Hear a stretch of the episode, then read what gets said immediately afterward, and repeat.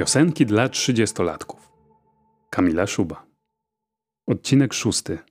Biri Bomba. Blenders.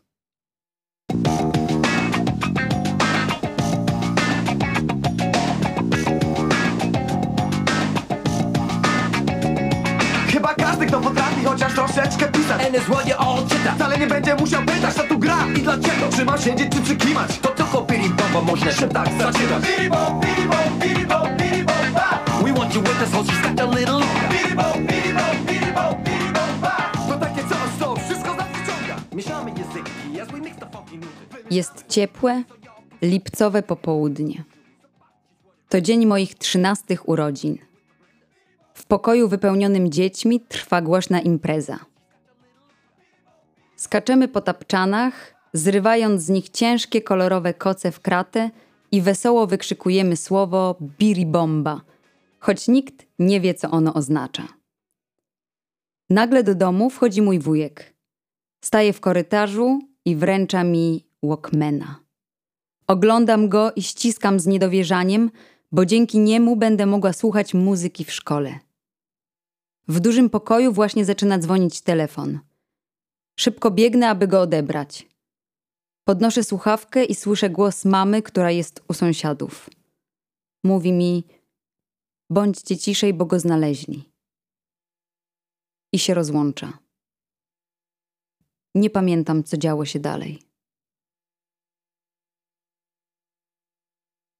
Grześ był moim kolegą z domu naprzeciwko.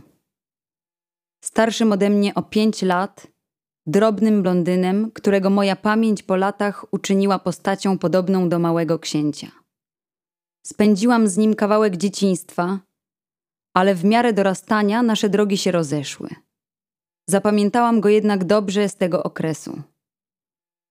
Często, gdy idę naszą ulicą i pada śnieg, o nim myślę. Mam w głowie obraz, jak ciągnie przez te ulice sanki. Na stałe zgrał mi się z zimą. Pod koniec lat osiemdziesiątych zaspy były wielkości dzieci, a przez podwórka trzeba było drążyć długie tunele, żeby wydostać się z domu. Budowaliśmy igla, w których montowaliśmy szyby i podobno kiedyś w jednym z nich ktoś nawet rozpalił ognisko. Wszystko to działo się po zmroku.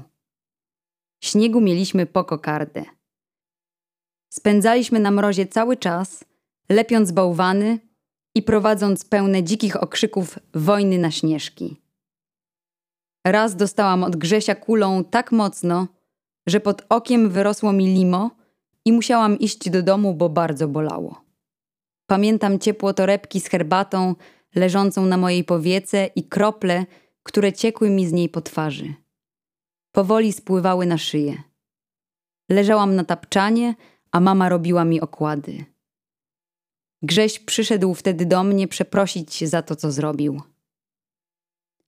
Często ciągnął mnie na sankach wzdłuż naszej ulicy, tam gdzie jeszcze nie wolno było mi chodzić. Tą samą ulicą, w środku zimy, pewną sylwestrową nocą szliśmy do dalekich sąsiadów puszczać petardy i fajerwerki. Musiałam ją przekraczać za każdym razem, gdy chciałam się dostać do jego domu – gdzie razem z naszymi starszymi braćmi oglądaliśmy na wideo filmy o wojnie w Wietnamie i produkcje z Bruce'em Lee przywiezione z wypożyczalni otwartej niedawno w dawnym kółku rolniczym. Całymi dniami graliśmy w gry na wielkim, białym komputerze o nazwie Amiga. Na zmiany wyrywaliśmy sobie joysticki i niecierpliwie czekaliśmy w kolejce, życząc jedno drugiemu – żeby jak najszybciej sterując samochodem wpadło w plamę oleju i skończyło rundę. Ta ulica prowadziła go przez kilka lat później także na pierwsze imprezy. Ostatni obraz Grzesia, który zapisała moja pamięć, to on stojący w naszym sklepie. Opiera się o marmurowy parapet i wygląda jak młody Bogusław Linda.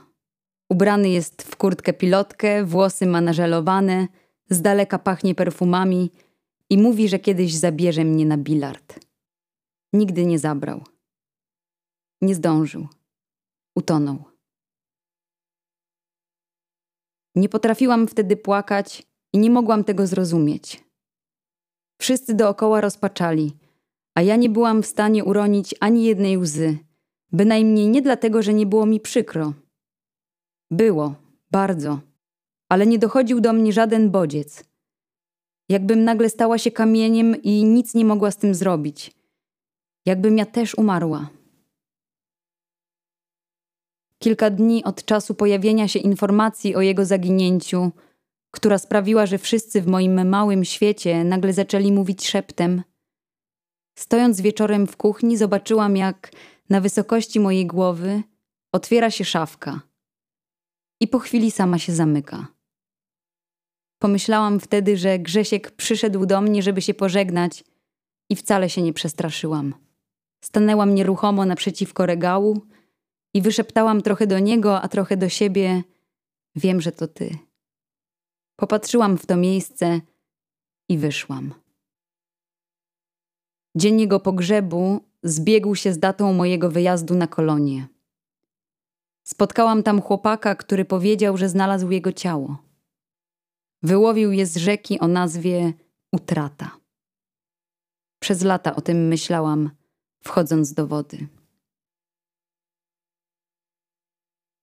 Piosenki dla trzydziestolatków. Czytali Joanna Roskosz i Adam Markuszewski. Tekst Kamila Szuba. Dźwięk i montaż Sebastian Świąder. Zrealizowano w ramach programu stypendialnego Ministra Kultury i Dziedzictwa Narodowego. Kultura w sieci.